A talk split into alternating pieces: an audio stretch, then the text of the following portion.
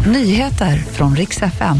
Det ska handla om nattens skottlossning i Gottsunda i Uppsala och om vädret, för stormen Pia är på ingång och det här kommer att påverka jultrafiken.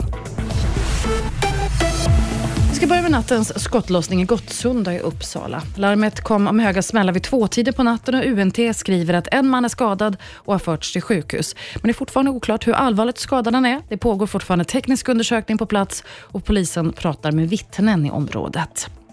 Dåligt väder väntar påverka jultrafiken närmsta dagarna. I eftermiddag kommer alltså stormen Pia som drar in över Sverige. Det ger kraftiga vindar, lokalt uppåt 27 sekundmeter på västkusten kan också ge stora översvämningar. När det kommer upp mot Gävle, då väntas hela E4 snöa igen.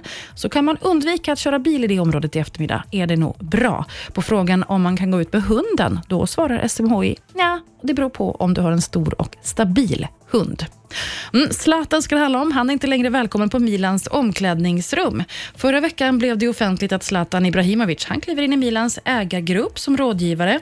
Nu är han däremot inte längre välkommen i klubbens omklädningsrum. Och Det här är för att han inte står på listan över teknisk personal längre och då blir det stopp enligt reglerna.